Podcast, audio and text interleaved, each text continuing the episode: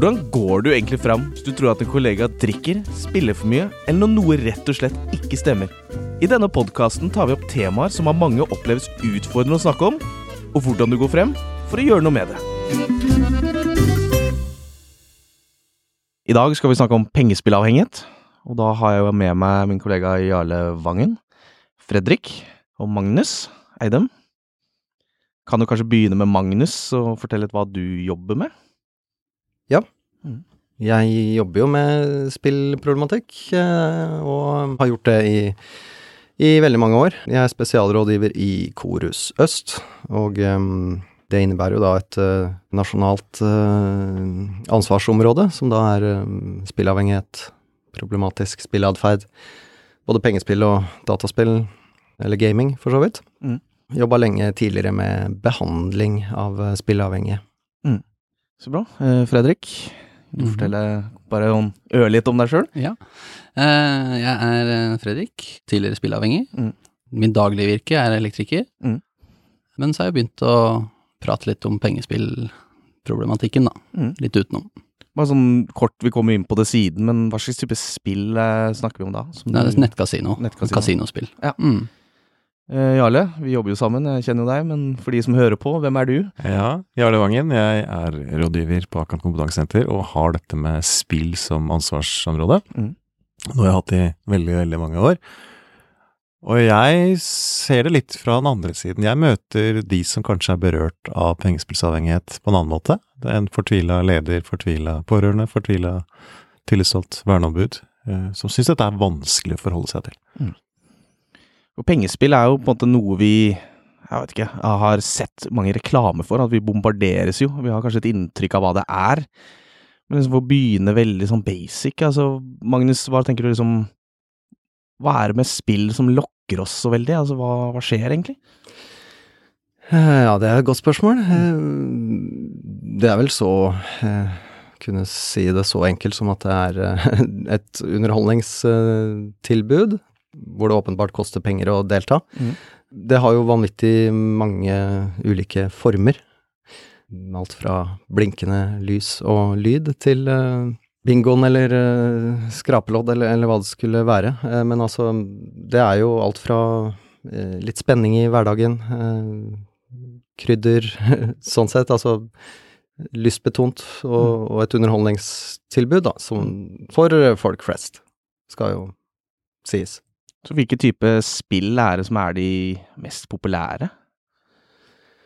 Populære, eh, den målestokken jeg forholder meg til ut fra at jeg har jobba lenge med behandling av spilleavhengige, mm. så ser jo jeg på hvilke spill som er kanskje mest representert i problematisk sammenheng, Mm. Eh, og det er jo det er jo disse spillene som Fredrik òg nevnte i stad, eh, nettbaserte kasinospill. Mm.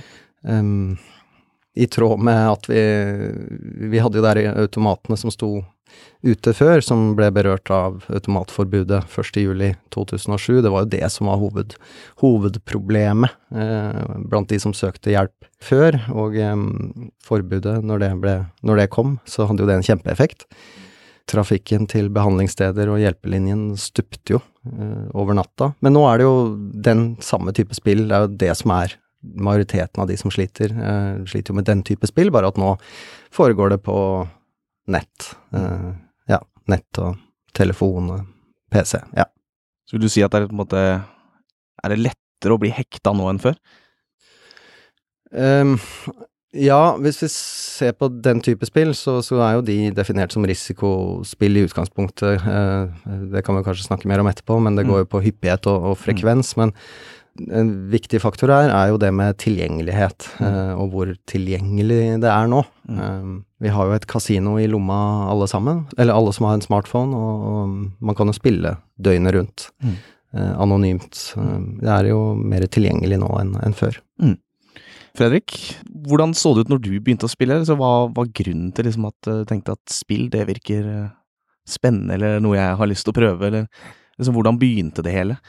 Eh, Spørsmålet syns jeg er veldig vanskelig å svare på, men Mm. jeg er jo kommer fra et fotballmiljø. Eh, alltid syntes det har vært spennende med oddstipping og, og sånne ting, og har gjort det veldig lenge.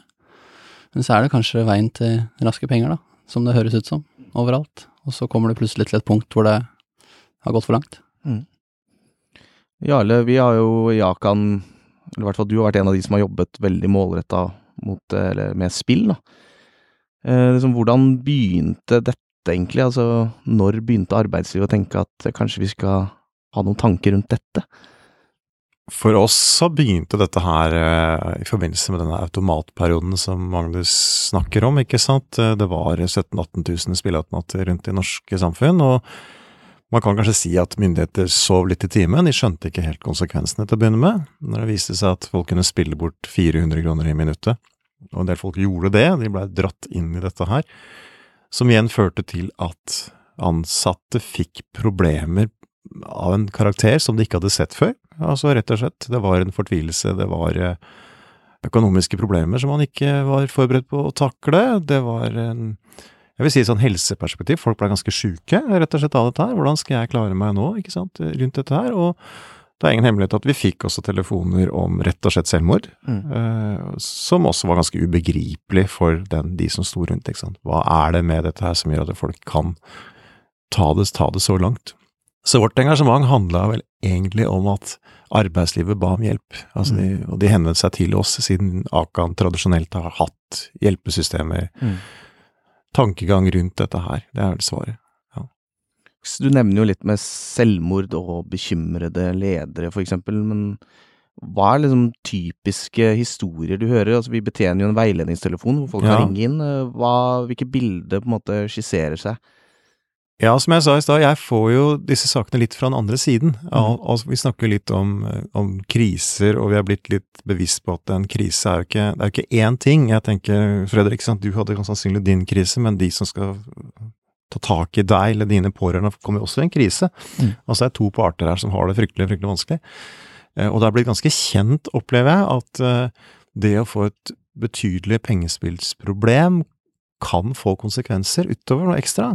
Så jeg opplever at jeg må bruke litt tid på å få ledere, HR-personell, bedriftshelsetjeneste til å puste litt, litt rolig, altså. Nå må, ta, nå må vi gå og ta saken litt eh, Begynne rolig, ta tak i det effektivt, men at jeg må berolige de. Altså, de tenker at oi, nå har jeg altså en potensiell medarbeider, potensiell pasient her, som kanskje liksom går hjem og gjør noen av de sakene har en karakter som er vanskelig å begripe. Når jeg får henvendelser om at folk har spilt bort et byggelån, så er det en historie om en varsla katastrofe, altså i forhold, til en familie, ikke sant, i forhold til en økonomi som kanskje er ødelagt for livstid, i forhold til et skambilde, altså det derre skyldfølelsesbildet, som jeg tror for oss er nesten ubeskrivelig.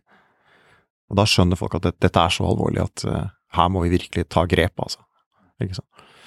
Men heldigvis, må jeg si, gjennom alle disse årene, så har vi i Norge hatt et ganske bra behandlingstilbud, takket være som Magnus Eidem var inne på, at det var lett tilgjengelig behandling. Mm. Så vi har klart å gi råd som har, eh, som har gjort effekt. Altså de har fått, tatt en telefon til oss og fått et råd, og benytta seg av rådet, og er veldig, veldig fornøyd med det. Altså. Det har liksom nesten vært utrolig hvor kjapt vi noen ganger har kunnet hjelpe folk inn i et eller annet eh, system. Jeg har lyst til å si det.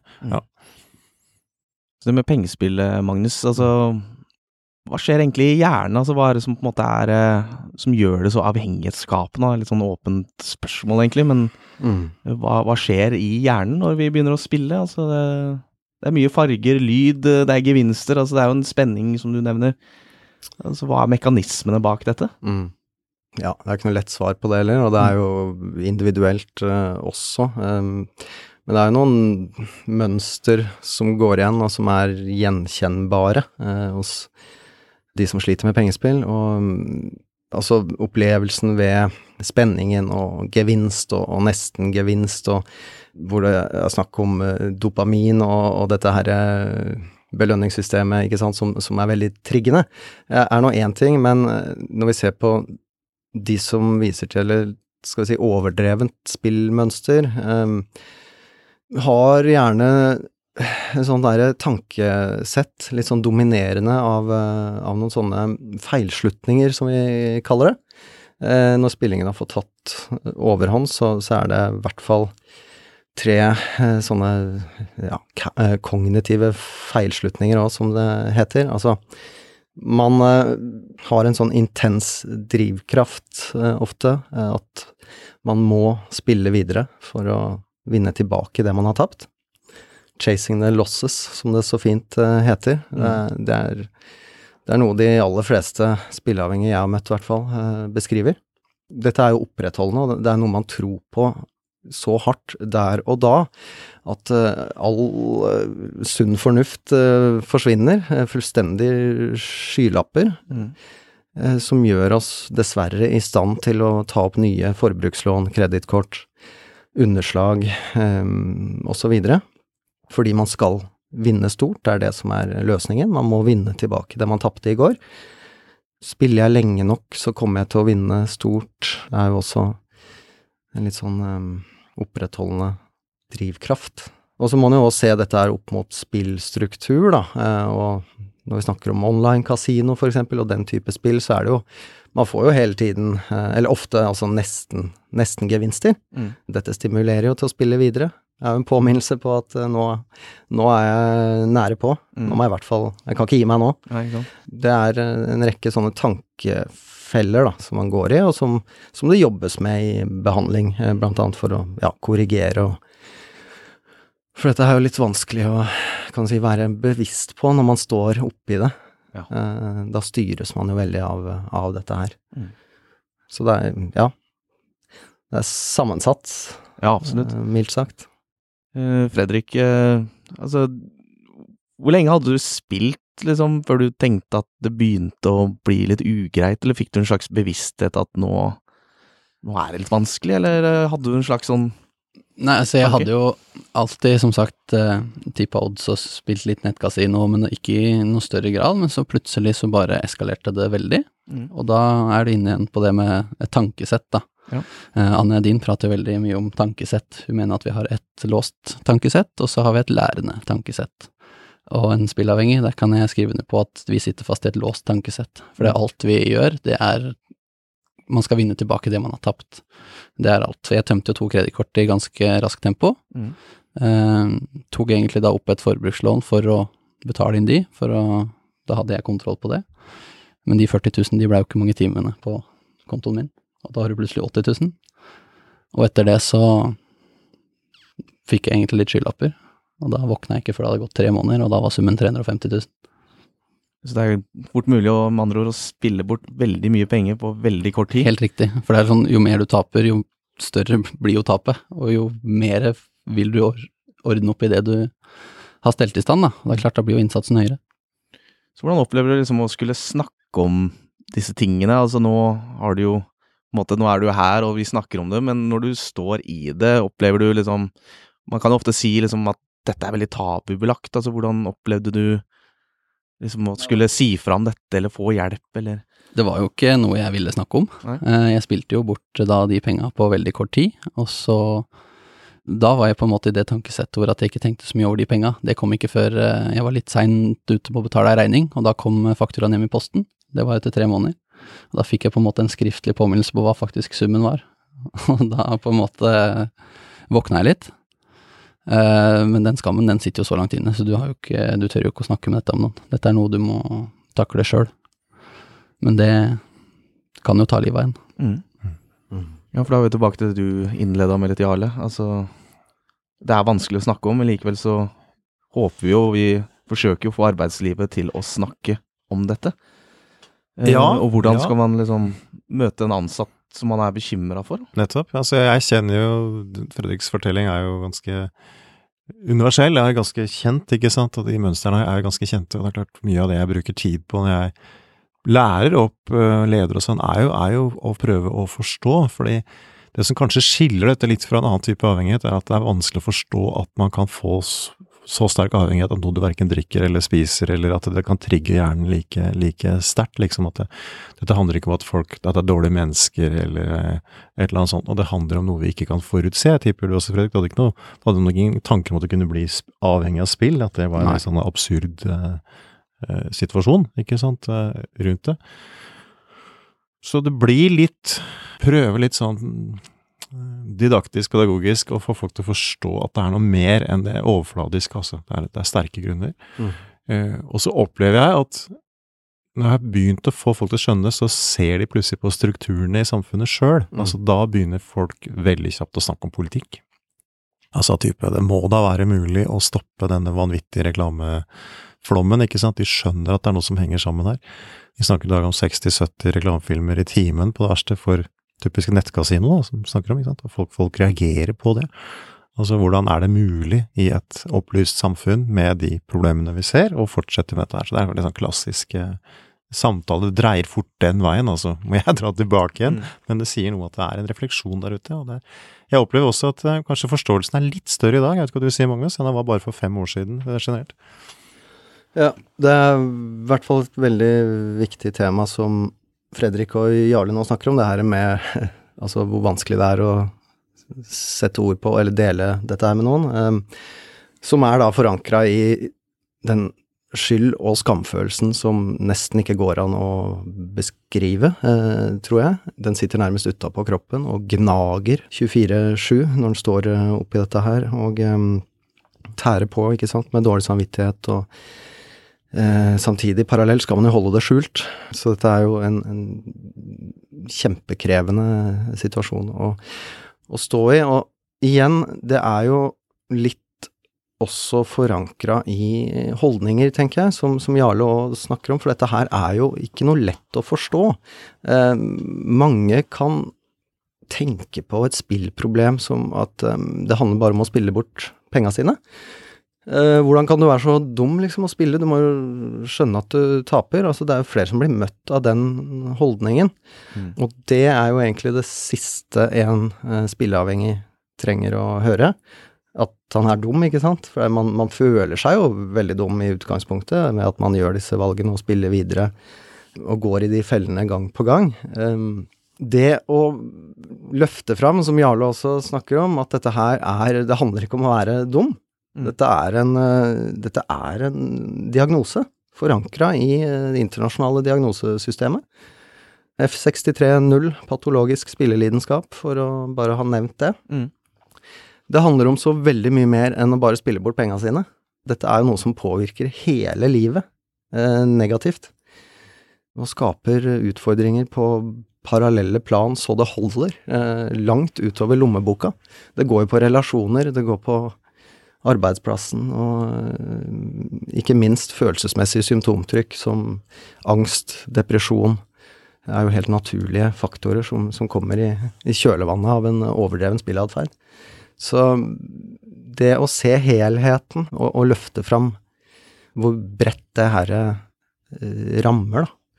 Det må jeg bare støtte Jarle på, at det er en, en viktig, viktig bit, og det er jo der òg vi har vår rolle eh, i, i Korus Øst, med ja, kompetanseheving og kunnskapsformidling, da. Mm. Mm.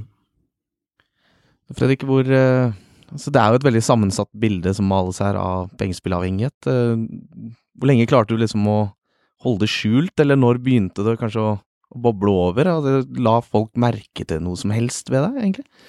Nå i ettertid så har jeg fått eh, mye kommentarer på at eh, folk har tenkt over det. Eh, Jeg har alltid spilt fotball, elsker fotball.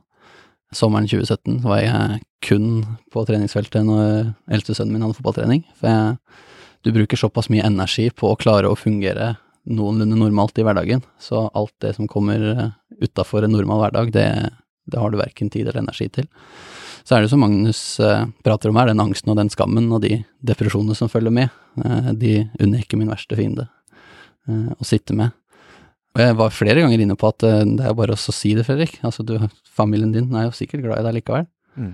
Men så kommer de der feiltankene om at eh, du er jo ikke bra nok. De, de kommer da, kan du si når de kommer, da, de er jo når du får lagt deg ned i senga og prøver å lukke øya.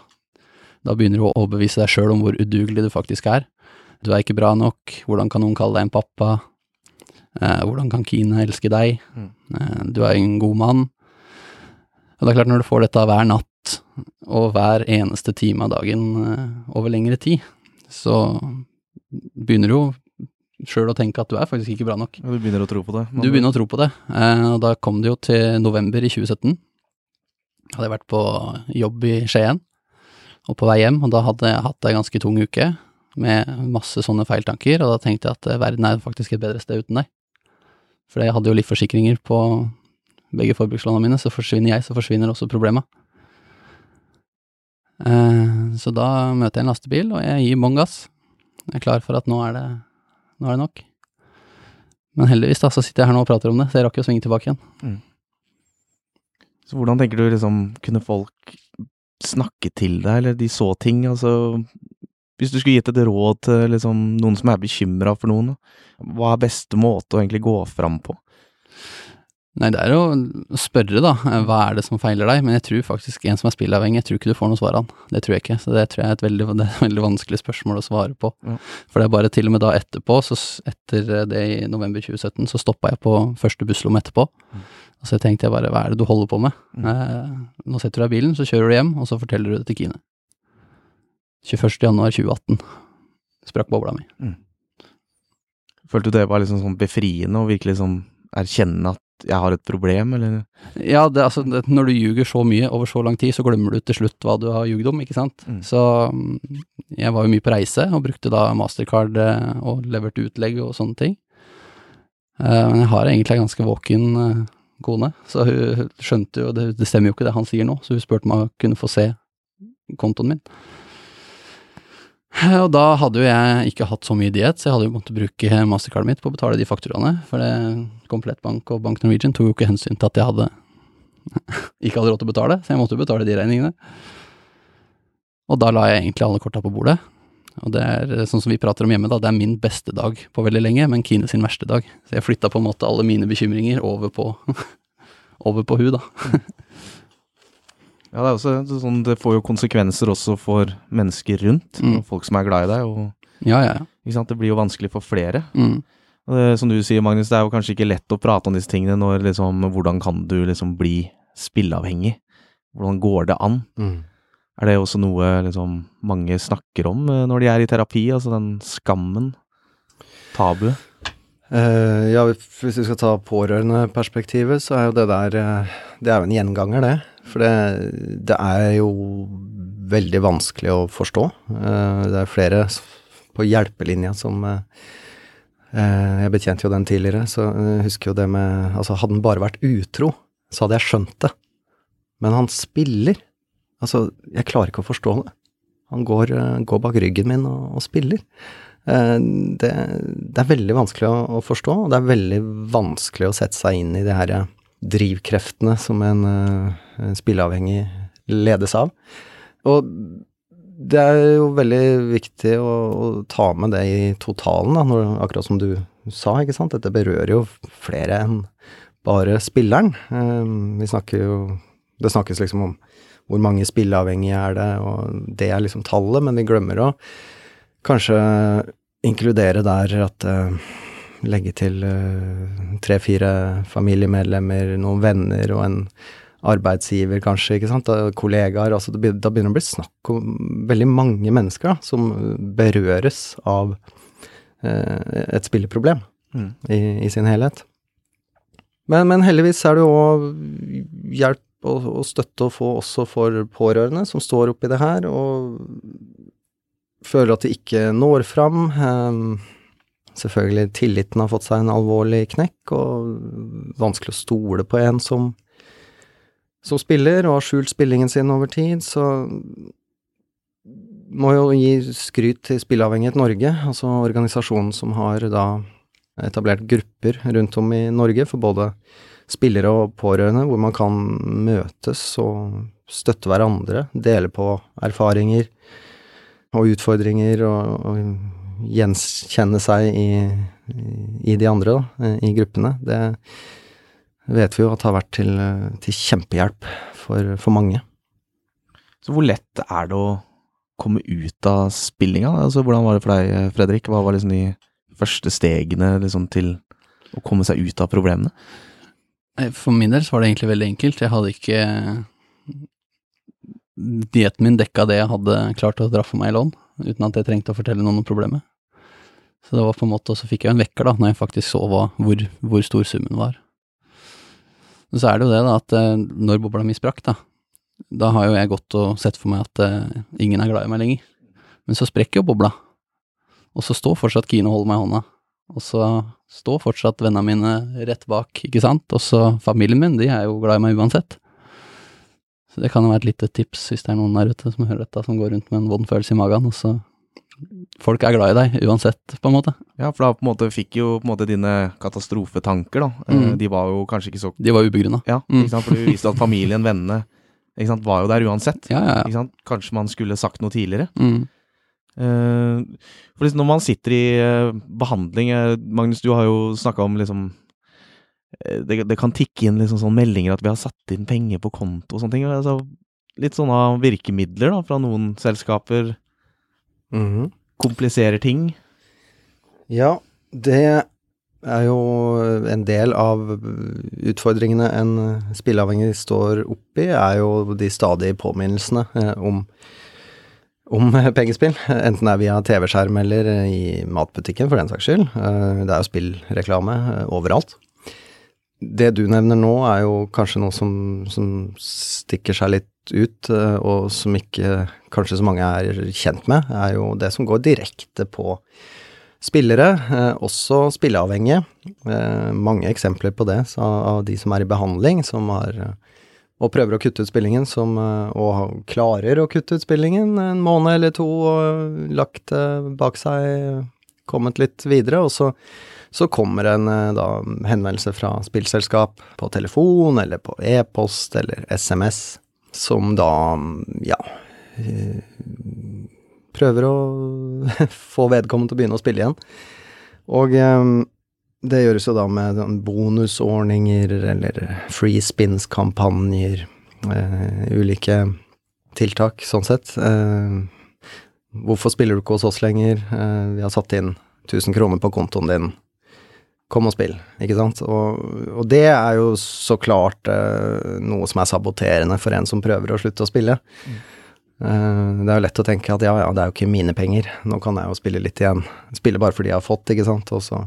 men det som skjer, er jo at man, man begynner å pirke borti igjen, og så spiller man bort det man har eh, fått i innskudd fra selskapet, og så, så er det kort vei til å begynne å sette inn sine egne penger igjen, da. Så, så det der er en eh, ja, stor eller betydelig utfordring for, eh, for veldig mange spilleavhengige, og vi har jo tatt vare på kopier av e-post som jeg har fått tilsendt av folk jeg hadde i behandling, ikke sant, som har blåst en million kroner eh, hos et spillselskap, og så så likevel, da, så får de sånne henvendelser fra en lojalitetskoordinator, av alle ting. Tygg litt på det ordet der. Lojalitetskoordinator. Veldig lojalt å tilby en spilleavhengig lukrative bonuser for å få han til å begynne å spille igjen. Så det er jo det vi også tidligere har prøvd å, å løfte fram og eh, skrevet litt om, og nei, kynismen i akkurat det der, altså, for det der er en det der er en uh, stygg uh, greie. En stygg praksis som, uh, som har fått rulle og gå i altfor stor grad. Mm. Og langt fra, skal vi si, ansvarlighet, hvis vi skal snakke om ansvarlig spillpolitikk, som er et hett tema i dag. Ja, jeg kjenner meg veldig godt igjen i den beskrivelsen. Jeg er ute og snakker med folk, og har jo etter hvert har det dukket opp mer og mer dokumentasjon på strategien. og en sårbar spiller, sånn som Fredrik snakker om, altså når du er på vei til å slutte, så merker du en endring ikke sant, i ditt, ditt spillmønster. Det blir jo lagt merke til hos uh, selskapene. Og de vet jo veldig godt da, at sjansene for å få det tilbake er ganske store ved det rette virkemidlet. Og det her, det her opplever folk, og det syns jeg er ganske, ganske sterkt. Uh, og jeg har jo hatt store ansattegrupper hvor jeg har fått gode samtaler i forhold til dette med spill, hvor nettopp dette har blitt et tema, den direkte markedsføringen som Magnus snakker om. Og jeg spør, noen ganger har jeg spurt, hvor mange er det som har opplevd dette her, og opplever litt sånn nølende svar. En annen sier ja, jeg har opplevd det, litt grann pause, så sier flere ja, jeg har også opplevd det, ja, jeg har også opplevd det. Plutselig så er det jeg sier ikke halve salen, men jeg sier kanskje 30% av de som er til stede i en eller annen bedrift som har satt av litt tid til å snakke om sånne ting, har liksom opplevd den direkte markedsføringen. Så dette er en sånn litt sånn skjult, en skjult greie som er ganske stor, altså, som gjør dette her ekstra, ekstra vanskelig. Uh, og en annen ting som også forkludrer litt den samtalen om pengespill og hvorfor dette er farlig, er jo fordi at vi har blitt oppdratt i en tankegang at pengespill, det er jo til noe bra. Ikke sant? Vi skal spille pengespill for å finansiere noe som er bra. Hva er problemet ikke sant, rundt dette her? Og da kommer vi å ødelegge litt den der idylliske historien, av Magnus og jeg og for så vidt Fredrik har den andre siden, ikke sant. som, som heller ikke er veldig populært, eh, som ble vanskelig i den store, store debatten. Eh, og vi ble også dratt ufrivillig inn i diskusjonen, liksom. Ja, men hva om vi bare tillater det som er ufarlig i Norge og ikke noe annet, vil det løse alle problemer?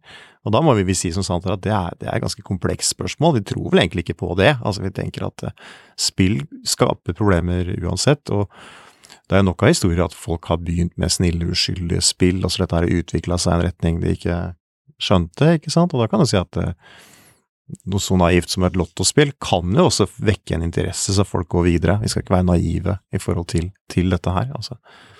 Pengespill igjen, det er, det er mye mer komplisert enn folk tror, det er mer psykisk komplisert enn folk tror. Eh, jeg tror vi må slutte å se på dette som, som en inntektskilde for gode ting. Jeg tror å se på det mer som et sosialpolitisk, helsepolitisk problemstilling, eh, rett og slett. Ja. Men som sagt, dette er upopulært. upopulært tema å ta opp, for det er en faglig basis for det jeg sier. Ja. ja, for det er jo rimelig hett tema i mediene, blant annet. Du nevner jo litt, eh, Magnus, mye meninger. Ja, det er jo brennhett eh, og store krefter i, i, i sving. Eh, men nå skal vel ikke ta lisensdebatten her i, i dag. Men, men, altså, det kommer sikkert Fredrik til å snakke litt om etterpå, men altså det er så viktig å i hvert fall få fram at det er hjelp å få. Altså det er For det er ikke alle som er kjent med det heller, at, at dette er det faktisk eh, spesialisert hjelp på. Mm. Og det er mange ulike måter å søke hjelp på også. Og spilleavhengige er jo selvfølgelig forskjellige, og, eller ulike, og sånn sett er det jo ulike måter å søke hjelp på. Mm. For noen er det nok å, å snakke med hjelpelinja og få liksom åpna seg og satt litt ord på problemer og omfang, og, og få hjelp til å stenge noen dører som står på gløtt, sånn sett.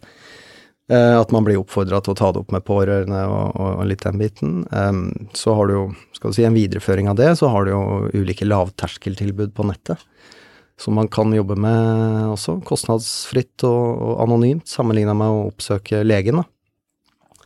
Som, som, foregår på telefon og nett, altså. Og ja, tradisjonelt i Norge, så er det jo å oppsøke fastlege og henvises da etter en vurdering til spesialisthelsetjeneste for et poliklinisk eh, tilbud, eh, enten i grupper eller individuelt. Du har eh, selvhjelpsgrupper rundt om i, i landet, det kan være tilstrekkelig for noen. Noen får den hjelpa de trenger av sine nærmeste. At man får hjelp til å disponere penger, få snakka ut om det og noen får hjelp hos Nav med økonomisk rådgivning, og, eh, eller tar direkte kontakt med namsmannen knytta til en gjeldsordning og, og rundt det. Eh, Akan må nevnes, eh, og, og skryt til Akan for den jobben de gjør ut mot uh, arbeidsplassen, for det er faktisk mange som også har fått den hjelpa de trenger gjennom uh, en fortrolig samtale på jobb og en Akan-kontakt, ikke sant. Så det, at det løftes inn den veien også. Men litt sånn helheten i det jeg sier nå også, når jeg snakker om Nav og økonomisk rådgivning, altså det er så viktig å tenke parallelle eh, skal vi si, satsingsområder. Det er ikke sånn at det bare er å slutte med spill, for det er så trykkende konsekvenser på flere områder. Altså, en kaotisk økonomisk eh, situasjon, eh, eller en økonomisk ruin, vil jo være en sånn konstant trigger for å ønske å spille eller ikke ønske, men altså det kan trigge tanker på å spille, fordi følelsen av håpløshet, eh, ikke sant, og alt dette her eh, Det er storgevinsten er den eneste måten jeg kan rydde opp på. Sånn at en sånn her uoversiktlig økonomi og regninger som hoper seg opp og, og dette her, det er veldig viktig å ta tak i på en tidlig fase. At det snakkes om å, å kartlegges man, hvis man går til samtaler, sånn at man kan parallelt jobbe med de utfordringene der, og, og, få litt hjelp til å ja, alt fra å lage nedbetalingsplaner til å kontakte kreditorer, um, disponere penger eller hva det skulle være. Sånn at det ikke ligger og er en sånn sabotør da, i arbeidet med, kan du si, sjølve uh, spilleavhengigheten. Eller den problematiske spilleatferden. Så man vil kunne være litt mer mottakelig for uh, det arbeidet med, med spilleavhengighet hvis man har litt mer kontroll på den økonomiske siden, f.eks. Eller det kan være relasjoner, det kan være, det kan være mye. Men altså, vi må tenke litt sånn parallelle plan i arbeidet. Eh, Fredrik, sånn etter bobla sprakk og du fortalte dine nærmeste, hva skjedde etter det? Altså, hva oppsøkte du av på en måte behandlingshjelp, eller Jeg kontakta fastlegen min, faktisk. Men jeg tror ikke han hadde vært borti det før, så han henviste meg til eh, DPS, er det det heter. Mm, mm. Så jeg fikk en time der, men så fikk jeg en telefon derfra at eh, de var ikke rett uh, organet, fikk jeg beskjed om, så jeg fikk uh, trengte ikke å komme dit for å få hjelp. Uh, så jeg endte med å google, rett og slett, og da fant jeg det her fjernbehandlingstilbudet til Sykehus Innlandet. Og fikk kontakt med de, men det er klart, da hadde jo ikke jeg spilt på nesten ni måneder, så jeg hadde jo på en måte kommet langt i, i stega der før jeg i det hele tatt hadde begynt. Men så blei vi enige om at vi går gjennom hele, hele prosessen for å kanskje spole litt tilbake og, og gå gjennom alt en gang til. Så jeg fant kjempestor nytte i det. Det er deilig også å treffe en person på telefon som er blid og hyggelig og glad og har et oppriktig ønske om å faktisk hjelpe deg til å bli ferdig med det.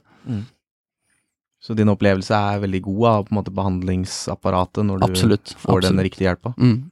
Så jeg har vært med på et eh, gruppemøte hos Spillavhengighet Norge her i Oslo, og det er jo en kjempegjeng som holder på der. Mm. Er du aktiv i noen sånne grupper nå? Ikke nå, Nei. det er jeg ikke.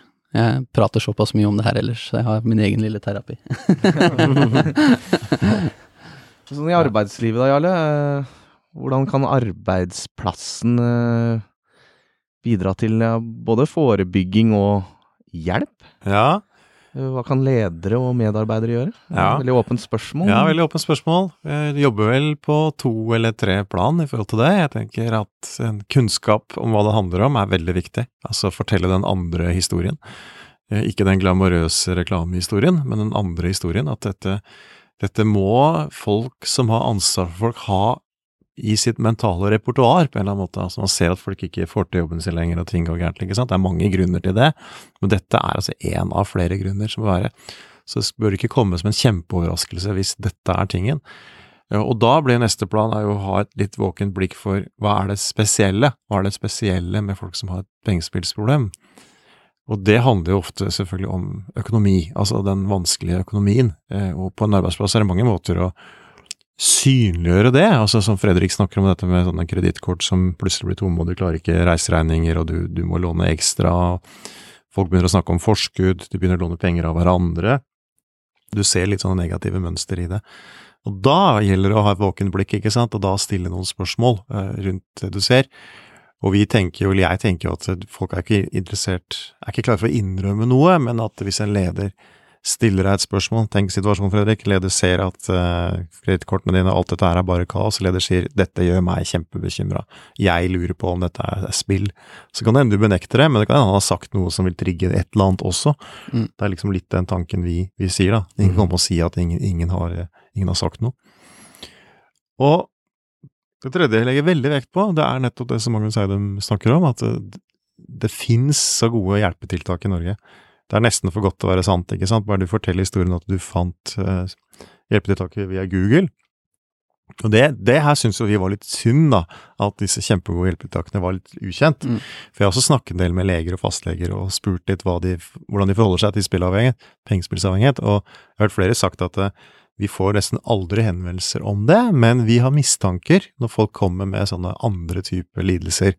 Type sånn depresjonslidelser, Mm. søvnproblemer, eh, angst, svetting, stive skuldre, alt dette her. De har mange mistanker, men vi, vi får det ikke helt til. Og det, det var jo en trigger for oss i Akan, ikke sant. Så at her, her kan vi kanskje være med å gjøre, gjøre en liten forskjell, da, eh, rett og slett.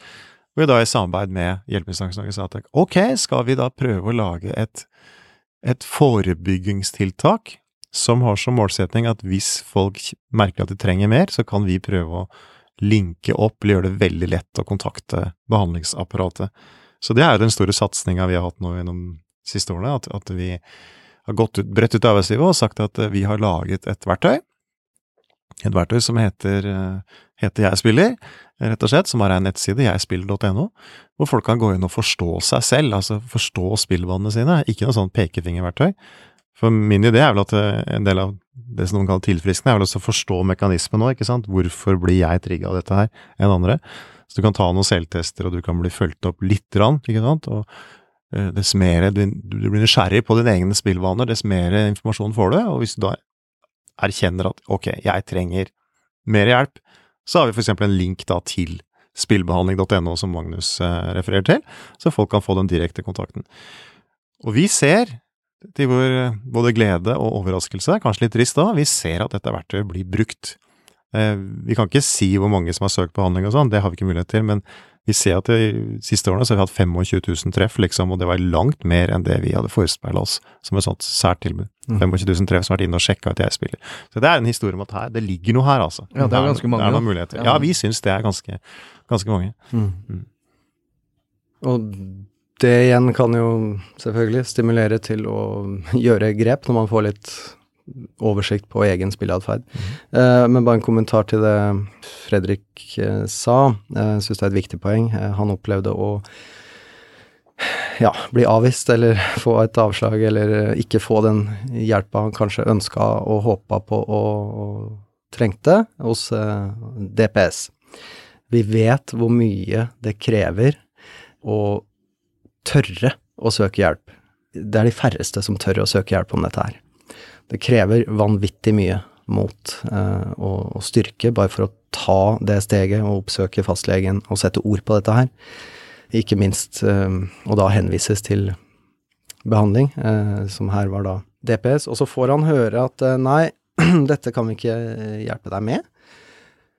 Uh, skryt til Fredrik for at han gikk hjem og googla og, og gjorde videre research uh, sjøl. Uh, det er det ikke alle som gjør. Noen kan oppleve det her som et veldig slag i trynet. Uh, at det Nei, nå er det ikke håp, ikke sant? Nå har jeg jo prøvd å søke hjelp, og jeg får ikke hjelp. Lufta går helt ut. Eh, håpløsheten, tanker om framtiden eh, raser sammen. Eh, man hadde et håp, ikke sant? Man, man, var motivert for å jobbe med dette her nå og så får man et uh, nei. Det kan også være andre ting enn behandling. Det kan være en gjeldsordning også, man får avslag på, på sånne ting for at gjelda er for fersk, f.eks., eller sånne ting. Altså sånne avslag, um, det vil jeg si er direkte farlig mm. for en som er spilleavhengig. Fordi vi vet hvor, uh, hvor mørkt dette her er, og hvor destruktivt det er. og tanker som at den, nå er i hvert fall den eneste løsningen bare å spille videre, ikke sant? Nå har jeg jo prøvd å søke hjelp og får ikke det engang, ikke sant, og så ja, da, da, Det kan jo ikke bli verre nå, så, så da, ja, da, da, da, kan jeg bare spille videre, kanskje ta opp nye lån og kredittkort, og så igjen, eh, skryt til Fredrik for å ha gått hjem og googla og funnet fram til det her eh, tilbudet sjøl, lavterskeltilbudet som han beskriver, og som, eh, som Jarle også snakker om, og som vi har snakka om. Men altså, det er jo noe man bør få Man bør jo få høre om disse alternativene fra både fastlegen og, og eventuelt der man avvises, da. Altså hva er alternativene? Hvordan kan du jobbe med det her? Hvem kan du kontakte? Altså det det bør jo være et minimum av informasjon eh, til den som, som søker hjelp, istedenfor at man bare skal stå helt på egne ben i en, i en så tung eh, situasjon. Så det, det er verdt å nevne. Jeg syns det er veldig ålreit fortelling det Fredrik sier, at han kontakta spillbehandling.no, så møter han et positivt menneske. Ikke sant? Mm. Du møter en vel, vel, velvilje. Mm. Og det er jo sånn jeg prøver å fortelle ut også, at dette er veldig engasjerte folk. At det vil, det vil føles godt å snakke med så engasjerte folk, ikke sant. Mm. De har jo ikke noe forhold til dette at det er negativt. Mm. De nærmest ønsker deg velkommen. Mm. Nå tar vi, tar vi tak. Eh, folk har mange tanker, har jeg erfart ut av at behandling det er noe skummelt som foregår i et skummelt rom med folk mm. med hvite frakker, og det gjør vondt. Mm. Jeg tenker ikke at det er et godt samspill mellom mennesker som vil noe, ikke sant. Jeg antar at det var det du, ja. det du opplevde også, rundt det. Eh, og jeg lærte noe som jeg har brukt, jeg har lyst til å si det, fra en av disse som faktisk jobber der, snakket om det der første møtet. Det hender jo noen ganger at vi også har det første møtet. Faktisk en spiller ringer til oss og spiller liksom jeg må innrømme at jeg har et problem når arbeidsgiverne min bedt meg å ta kontakt med dere, de tror Akan kan løse det, det kan vi selvfølgelig ikke, men vi kan gå videre. Og så forteller historien, og så sier de at de, de har ikke fortalt det hjemme. Du er en av de første som får høre min historie, av liksom sjefen og av deg. Og da sier jeg at ok, du må gjerne trene litt mer på meg, du må gjerne fortelle historien din flere ganger, forskjellige vinkler, slik at du har lagd deg en strategi når du skal hjem og fortelle kona di. Du har Mm. trent på historien, ikke sant. Mm. Så sånn, bare sånne ting kan jo være så stor hjelp, merker jeg. Mm. Og det er takket være dine kloke kollegaer, Magnus, at eh, vi har fått den type kunnskap også, vi som Mm. står litt, litt sånn perifert litt utenfor dette her, Mm. til, til stor hjelp, Ja. rett og slett. Så jeg tror vi må, eller jeg håper at vi kan få flere av den type historier. Altså, møt fagpersoner, det er ålreit å møte fagpersoner, ikke farlig, veldig ok. Og jeg har lyst til å referere til noe du fortalte meg, Magnus eh, Eidem. Du snakket om, eller vi snakket om at det er en viss drop-out, og det tenker vi utenfor at det er synd. Oi, at folk dropper ut av dette fine behandlingssystemet som har gitt så gode resultater. Og nå skal ikke jeg si noe du burde si, men du fortalte meg veldig at, eller at det kan jo hende at folk har hatt noe ut av det likevel. Altså for den de har vært med på én eller to sessions, så kan det være det som er nok, ikke sant, til å snu. Vi vet ikke beveggrunnen for at folk gjør som de gjør. Og det er også jeg valgt å fortelle, ikke sant, at det ikke blir superfortvila hvis du merker at folk ikke følger opp. Det kan være det sparket allikevel, altså det kan være at dette fører noe godt med seg. Så vi må ikke lage en sånn fortvilelse, vi må tenke at folk er i en prosess, altså har de først hatt første steget, gjort noe, så er folk i en prosess. Så får vi heller se da, hvordan dette her, her utvikler seg. Og så er det jo å se på responsen jeg fikk da etter jeg sto fram med, med min historie, da.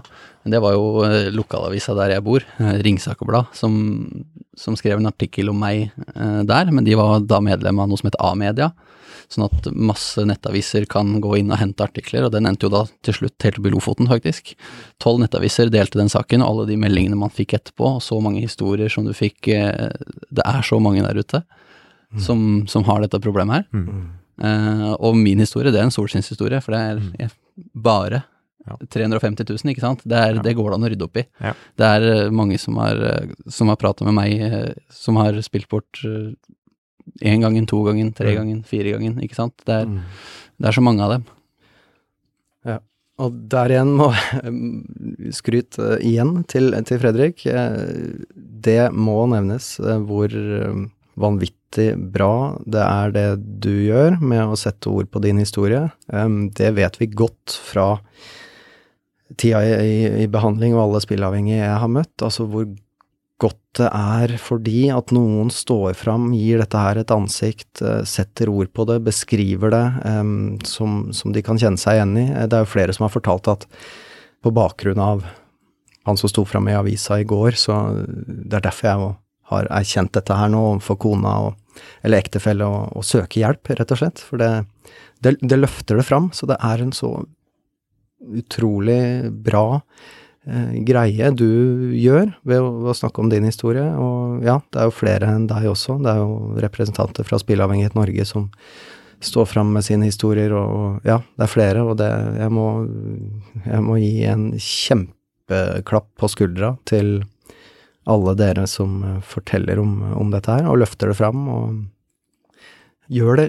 litt mindre farlig å, å sette ord på for eh, de som står i samme situasjon. Gå med det her inni seg, og ha, og ha båret på det lenge også. Eh, ja, dere, dere gjør noe for de, altså. Det er jeg helt sikker på. Det er veldig viktig å snakke om det. Nå er vi jo inne i en prosess eh, hvor vi skal ut til eh, en del fotballklubber. Jeg kommer jo fra et fotballmiljø, jeg vet hva som blir prata om i garderobene rundt omkring. Eh, og så spre litt eh, info og litt kunnskap rundt spillavhengighet da, og garderobekultur, og, og den allerede fra, fra gutter 16 og oppover. For det, de sitter i mange A-lagsgarderober. Og vi, det er jo mange historier om fotballspillere, og sikkert andre idrettsutøvere òg, som har tapt veldig mye penger på spill. Mm. Det kan vi bekrefte. Mm. Eh, Det, det må vi si. Altså, det tenker jeg også er en litt sånn skjult fortelling i det norske samfunnet, at en del av idrettsmiljøer har en spillkultur. Det er litt, sikkert litt som går på dette her med å vinne og satse og sånne ting. Og at de har fått henvendelser fra idrettsledere i store klubber og sånne ting, som plutselig har oppdaget at veldig mye av de pengene som burde vært satt i en boligkonto eller BSU eller hva det heter for noe blant unge idrettsutøvere, har rett og slett gått til spill av store, store mengder. Så det, det syns jeg er en veldig god idé, og det er ikke så lenge siden Magnus og jeg møtte representanter fra en betydelig fotballklubb, hvor de begynner å sette det her på kartet. Altså dette Mm. det er en problemstilling. Mm. Hvis vi våger å si at noen har en risiko eller sårbarhet, så tenker jeg kanskje de kulturene er, representerer det, i kraft av det de gjør, kanskje. Så det er fint du tar opp, egentlig.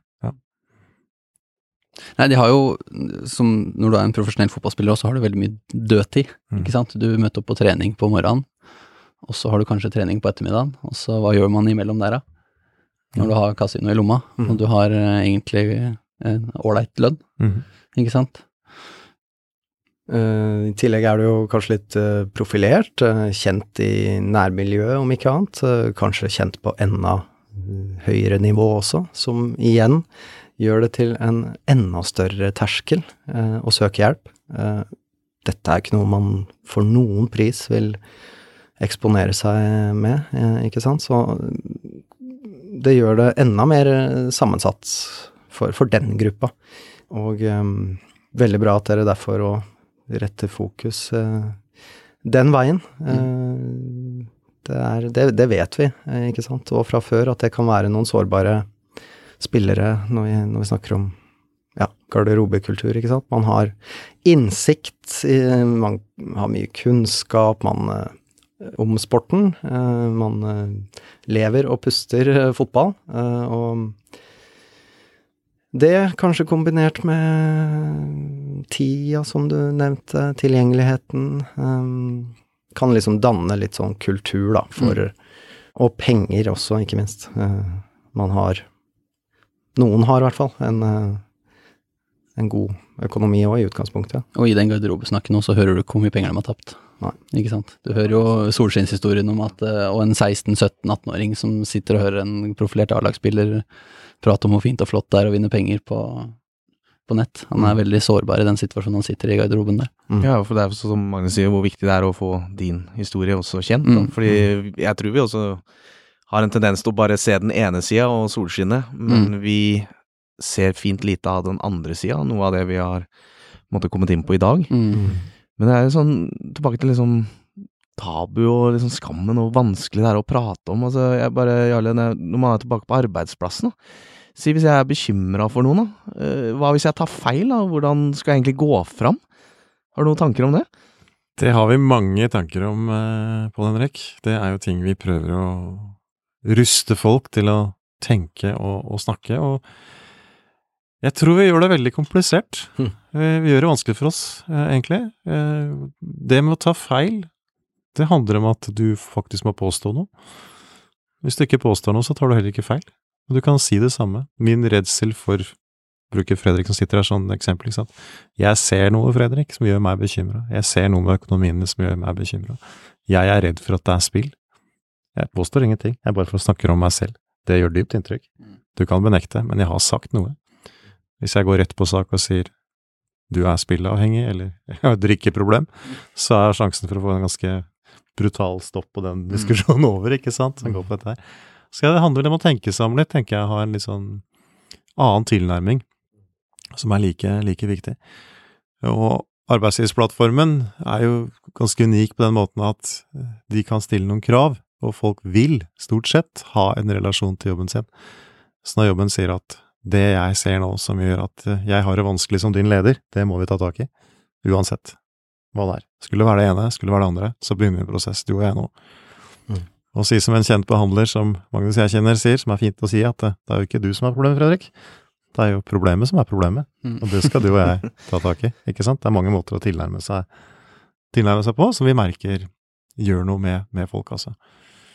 Det er mye jobb å gjøre. Det er takknemlig å gi folk kunnskap om tilnærming. Og der er jo Akan nå at vi, vi er ikke så opptatt av eh, teori lenger. Vi er opptatt, vel, vi har aldri vært det, vi er opptatt av praksis. Det er praksis som redder verden, ikke teori. Altså at faktisk man må gjøre. Altså, man må gjøre. Mm. Men jeg har lyst til å ta en lite aspekt. Vi snakker veldig ofte om de store pengene, avhengigheten, problemene. Men vi møter jo også folk som har latt seg rive med, syntes dette her var veldig moro. Og plutselig så forsvinner det 30 000-40 000 kroner fra kontor. Altså vi snakker kanskje ikke om en pengespillsavhengighet, Mm. men vi snakker om et problem. Folk har fått et akutt økonomisk problem som gjør at eh, dagen etter på jobben eller andre steder er vanskelig.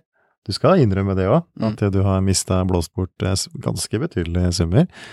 Eh, unge menn som plutselig ikke har råd til å betale avdrag på motorsykkelen sin, eller det de skal, ikke sant, eller hybelleia, eller et eller annet sånt. da. Skal de begynne å plage sine gamle foreldre, ta opp lån? Skal jeg tørre å si dette her på jobben? Så pengespill har problemer på mange nivåer, altså. Så jeg har lyst til å si. En klassisk historie som jeg opplevde, var jo en leder som fortalte akkurat dette her, at en ung mann innrømmet at grunnen til at han ikke var helt med, var at han hadde tapt 25 000 kroner dagen, dagen forveien. Mm. Og det som lederen beskrev, det var en ung mann som Altså det eneste som var på jobben, som han sa, det var kroppen hans. Altså hodet var ikke til stede, og han hadde jobb som måtte være skjerpa. Mm. Det var mye sikkerhetskrav og sånne ting. Så problemet har en bredde, rett og slett. Ja. Det er viktig å, å si det òg, ja. Jeg helt enig.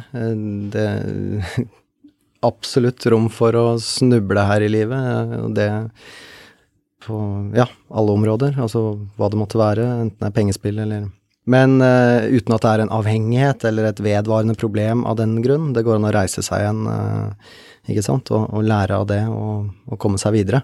Og det kommer jo fram av, hvis vi går tilbake på diagnosen når vi snakker om spilleavhengighet, så det er jo uh, Altså, det er jo over tid. Det er jo vedvarende tap av kontroll, og at man opprettholder spillingen på tross av de negative konsekvenser, ikke sant. Så det er, det er forskjell på en spilleavhengighet og et sånt akutt eh, problem, da, som, som Jarle beskriver. Så ved å snakke om det og ta tak i det eh, der og da, så vil man jo kunne forebygge eh, at man drar det videre, ikke sant. At det får utvikle seg, og at man går i den der skal vi si, onde sirkelen med at man fortsetter å spille for å vinne tilbake det man har tapt, osv., ikke sant. At man, man eh, får på plass en eh, litt sånn effektiv brannslokking eh, der og da. Mm. Men jeg har lyst til å spørre Fredrik, er, tenk på den prosessen du var i, ikke sant. Er det noe du skulle ønske at kanskje sjefen din sa til deg? Er det noe du kunne tenkt deg at noen hadde tatt, hatt guts nok til å si i den prosessen din? Ja, altså, jeg skulle ønske at uh, noen hadde på en måte, Folk prøvde jo å spørre meg er det noe gærent, Fredrik, så det er litt vanskelig for meg å svare på det spørsmålet. Ikke sant, ikke sant. Men det er på en måte den skammen den sitter så djupt at du sier at nei, nei, nei, jeg er bare litt sliten i dag, jeg er bare litt trøtt i dag, ikke sant. Mm. Men det er klart, hadde jeg fått, fått et spørsmål direkte knytta til, til problemet Sliter du med pengespill, eksempel, eller er det, Mm. er det noe du sliter med? Hva er det som gjør at du er sånn? Mm. Det hadde nok, eh, det hadde nok hjulpet. Nettopp. Mm. Kan du gi meg et råd som rådgiver som skal ut og snakke mer om dette her? Ut fra ditt ståsted? Et råd? Åh, Ja. det er vanskelig å gi. Nei, ut fra ditt ståsted. Du har jo allerede egentlig sagt det. Men det er noe Ja. du kommer på som tenker Nei, det er å bry seg, rett og slett. Og vise at uh, du er ikke der for å dømme, dømme personen, ikke sant. Du, Mm. du skjønner, du syns ikke folk som har et spillproblem er dumme. Mm. Eh, du møter det mennesket med åpenhet, raushet, og viser at du faktisk er der for å hjelpe den. Veldig bra. Takk. Er det noe annet vi ikke har snakket om, som vi kan eh, prøve å avslutte denne episoden med? Jeg tror jeg har vært innom det meste, men jeg har bare lyst til å presisere at det fins Altså dette med tilgjengelighet på hjelpetiltak eh, Akan kompetansesenter er, er for arbeidslivet. Det er ingen terskel for å ta kontakt med oss. Vi kan gjøre ganske mye i forhold til den forebyggende sida, bevisstgjøre dette her, uten at det koster penger. Mm, legge til jeg da at det, det er håp, det er muligheter, selv om det ikke føles sånn eh, når man står oppe i det mørkeste. Eh, det er noen å snakke med, og det er lav terskel eh, og anonyme tiltak man kan benytte seg av. Og de menneskene du møter der, de er faktisk der for å hjelpe deg. Med det så takker jeg for en veldig fin samtale, og håper i hvert fall de som også har lytta på, har lært noe nytt. Takk skal du ha. Takk for at du lytta til podkasten. Husk å abonnere, så får du neste episode direkte inn på mobilen din. Ønsker du mer informasjon om hva du kan gjøre, så finner du det på akan.no. Er du bekymra? Ta praten.